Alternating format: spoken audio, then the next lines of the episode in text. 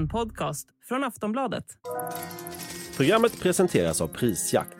Jämför produkter, priser och butiker. Kriget i Ukraina är inne på sin 20 månad och de senaste dagarna ska Ryssland ha upplevt några av de svåraste dagarna någonsin sedan kriget bröt ut. While the conflicts in Israel and Ukraine are very different, Hamas and Vladimir Putin share the same goal of annihilating democracy. This comes as the largest number of Russian casualties in a single day since the war began have been reported. Ukrainian military are claiming Russia has suffered its largest number of casualties in a single day since the start of the invasion. And while the world's eyes are glued to Israel, Russia is waging a major new offensive in the east. As a city is strategically important, the location of Avdivka provides an edge to Ukrainian armed forces to gain artillery advantage. Moreover, Avdivka has been a symbol of Ukraine's resistance against Russia since 2014.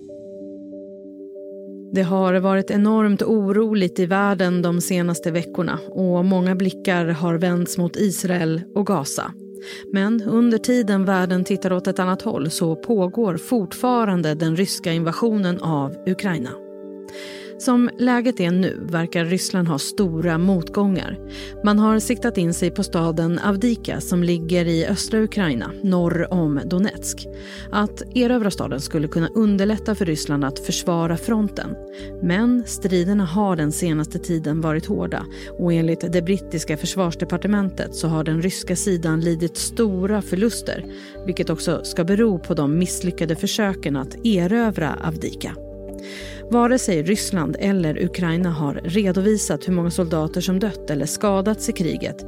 Men det uppskattas att Ryssland kan ha förlorat mellan 150 000 och 190 000 soldater sedan kriget bröt ut.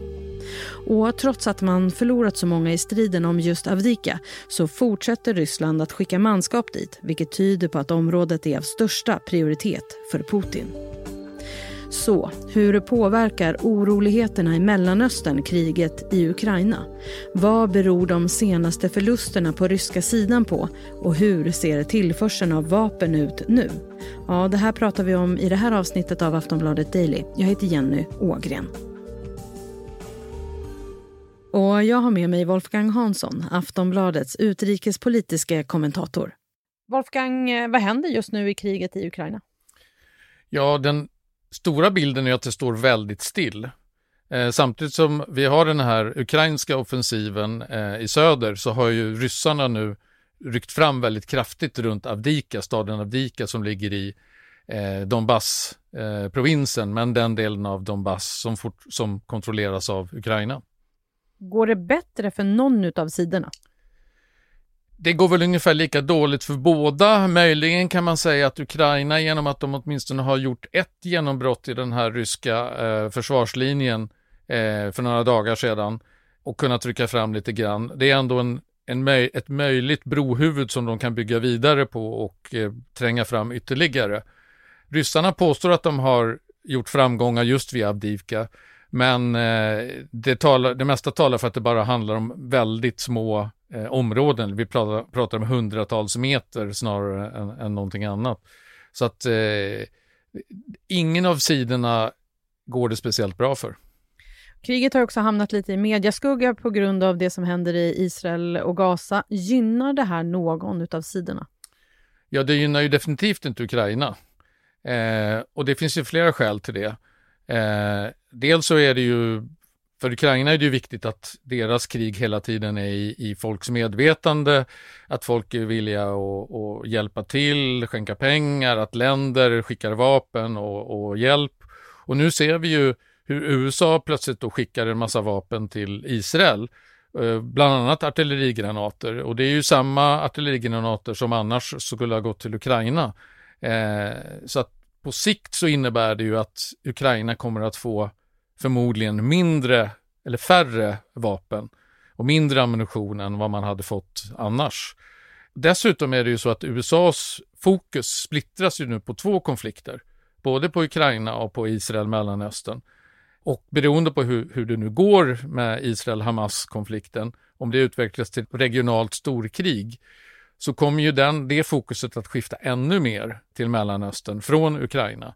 Och även om USA säger att ja, men, vi, vi är fortfarande lika intresserade av Ukraina och det är lika viktigt och till och med Joe Biden har ju till och med liksom knutit ihop de här två konflikterna så är det ju ändå så att det är sämre för Ukraina. Och dessutom är det ju bra för Putin så fort det blir västvärlden är tvungen att hantera fler bollar än Ukraina så är det bra för Putin för då eh, kan han komma undan med saker som man kanske inte hade kommit undan med annars när det, när det sker lite under radarn. Eh, det är ju fortfarande så att jag menar, större attacker mot Ukraina det, från ryska attacker, det hamnar ju fortfarande högt upp i nyhetsförmedlingen. Men det är de här liksom mera sakerna som sker under ytan som kanske inte får lika stort fokus. Vet man annars vad Vladimir Putin anser om det som händer i Israel? Ja, han, eh, de har ju inte fördömt, Ryssland har inte fördömt Hamas attack.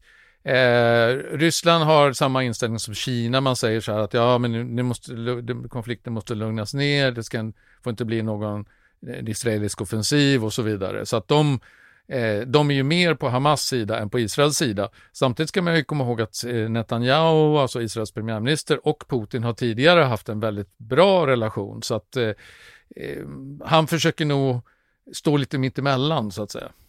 Du var inne lite på det i början här med eh, om de här striderna i Avdika eh, som det har varit den senaste tiden. I samband med det här så har det ju rapporterats om att Ryssland har förlorat stort manskap och många fordon. I vilken skala handlar det om? Alltså enligt ukrainska uppgifter, då ska man vara medveten om att det är ukrainska uppgifter, det vill säga man kan inte ta dem liksom bara ad notam, så handlar det om i storleksordningen 13-1400 döda eh, per dag och i storleksordningen 50-150 stridsvagnar per dag. Eh, jag tycker det låter väldigt mycket, men även om det bara skulle vara hälften så är det ju väldigt stora förluster ryssarna kan ju göra det här eftersom deras fördel är ju just det här att de har mycket fler människor att kasta in i kriget.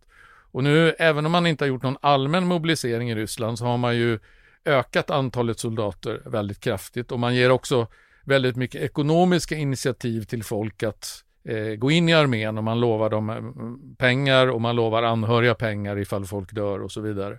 Så att eh, han har många fler människor att slänga in i kriget och därför så behöver ryssarna verkar inte bry sig om att de gör, eller rättare sagt Putin verkar inte bry sig om att ryssarna gör stora förluster. Det viktiga för honom är att eh, försöka få en framgång i kriget och i det här fallet så handlar det väldigt mycket om att försöka binda så många ukrainska trupper som möjligt runt Advike så att eh, de inte kan åka till den södra fronten och, och bryta igenom där. Nu verkar det som att Ukraina har liksom genomskådat det här ryska draget så att man, Ukraina nöjer sig med att hålla eh, ryssarna på plats så att de inte ska kunna rycka fram annat än mycket marginellt. Liksom. Och det verkar än så länge ha, ha fungerat.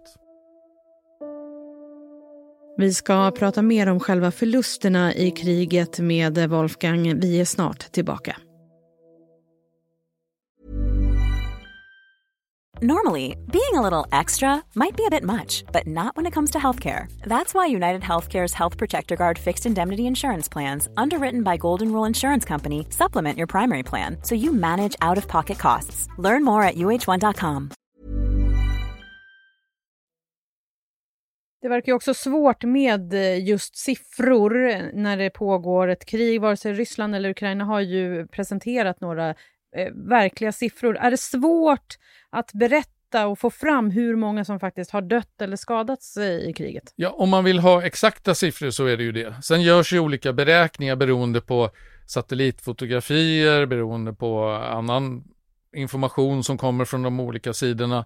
Men eh, det brittiska försvarsdepartementet, de beräknar ju nu att det är någonstans mellan 150 000 och 190 000 ryska soldater som har dödats eller blivit så svårt, svårt skadade att de inte kan återvända till kriget.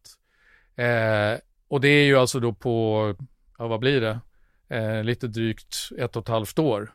Så det är ju enorma eh, förluster. Och det beror ju mycket på att det här är ett väldigt gammaldags krig. Det här är ju liksom ett artillerikrig där man står och skjuter på varandra med artillerigranater. Eh, det, det, är liksom första världskriget i repris. Eh, och det är därför det blir så enormt stora förluster. Och Ukraina gör ju också stora förluster, men de håller ju helt tyst om sina siffror och det, det är svårt att beräkna, men man tror ju att det inte, de, de ligger inte på samma nivå som på ryssarna. Men det är säkert åtminstone hälften av de ryska förlusterna som, som Ukraina gör och det skulle i det här fallet innebära eh, runt någonstans 75 000, 100 000 ukrainska soldater som har dött eller är permanent borta. Liksom. Så att, och de har ju en mindre pool att ta av när det gäller folk. Så 20 månader har eh, kriget pågått nu, förutom just kärnvapen som ju hela tiden finns i bakhuvudet på säkert eh, väldigt många. Hur har Ryssland det med vapen? Alltså de har ju ställt om hela sin ekonomi till en krigsekonomi. Så de eh, producerar ju för fullt just för armén. Liksom. Det är liksom prioritet ett. Sen har ju de problemet att på grund av sanktionerna så, kan, så får inte de enkelt in det material de behöver för att producera, till exempel när det gäller modern elektronik och sånt som man behöver för att göra robotar och sånt. Eh, men man får ju in en del av det här eh, via sanktionsbrytare, alltså man de här länderna som ligger runt Ryssland som tidigare var del av Sovjetunionen, en del av dem fungerar ju som transitländer för eh, sanktionsbrytande transporter som kommer in den vägen. Och sen vet vi inte riktigt hur mycket Kina hjälper till en del, men inte med, med tunga vapen. Eh, jag såg nyligen att Nordkorea levererar väldigt mycket artillerigranater till Ryssland. De har samma dimensioner som de ryska. Eh, och det gör ju att ryssarna kan ändå, eh, det tar inte slut så att säga, utan de, de kan få ny ammunition, de kan få nya vapen. Eh, även om det är ett större problem för dem än vad det hade varit om, om inte världen hade försökt stoppa eh, exporten till Ryssland. Och sen såg jag också att eh, Putin var ute och reste här och hälsade på eh, Kinas president Xi Jinping för någon vecka sedan. Vad handlade det mötet om? Ja, det mötet var egentligen, eh, det var ju för det här eh, Belt and Road Initiative, det här eh, sidenvägsprojektet. Eh, men det är klart att de passade ju naturligtvis på att prata med varandra om, om kriget i Ukraina och och läget i världen. Och vi vet ju att Ryssland och Kina, eh, de har ju sagt utåt att de samarbetar väldigt nära och de vill liksom vara ett alternativ till den här västliga liberala världsordningen. Men det kanske mest anmärkningsvärda med, med det mötet, det var ju att Viktor Orbán, alltså Ungerns premiärminister, befann sig där. Ungern är ju en del av NATO, det vill säga Rysslands motståndare och ändå så pratade han och Putin väldigt kärvänligt på det här mötet. Så att man ska ju komma ihåg att inom Europa eh, så finns det ju flera länder som, som är lite grann av femte kolonnare som liksom på flera sätt hjälper ryssarna. Så att eh, den, den här enade fronten är inte så totalt enad som den kan se ut som ibland. Wolfgang, du var inne lite i början på att det går dåligt för båda sidorna nu i kriget, men vad tror du, vad kommer hända den närmaste tiden? Men nu verkar det som att Ukraina har fått såna här lite mer långskjutande eh, robotar från USA.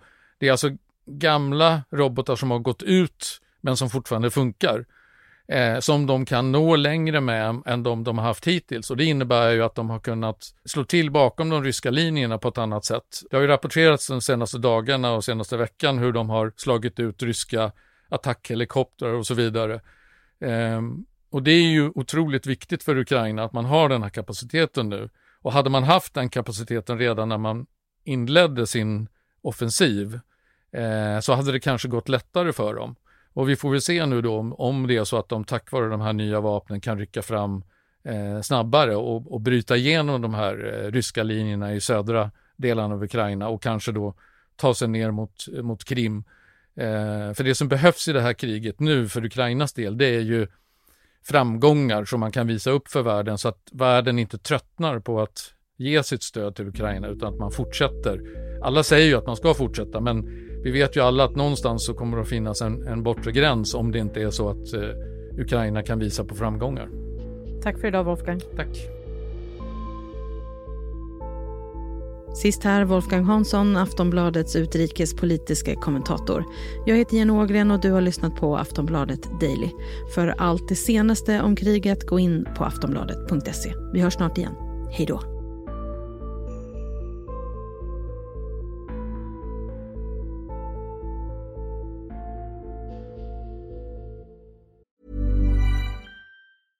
Hey, I'm Ryan Reynolds. At Mint Mobile, we like to do the opposite of what Big Wireless does. They charge you a lot, we charge you a little. So naturally, when they announced they'd be raising their prices due to inflation, we decided to deflate our prices due to not hating you. That's right. We're cutting the price of Mint Unlimited from $30 a month to just $15 a month. Give it a try at mintmobile.com slash switch. $45 upfront for three months plus taxes and fees. Promo for new customers for limited time. Unlimited more than 40 gigabytes per month. Slows. Full terms at mintmobile.com. Du har lyssnat på en podcast från Aftonbladet. Ansvarig utgivare är Lena K Samuelsson.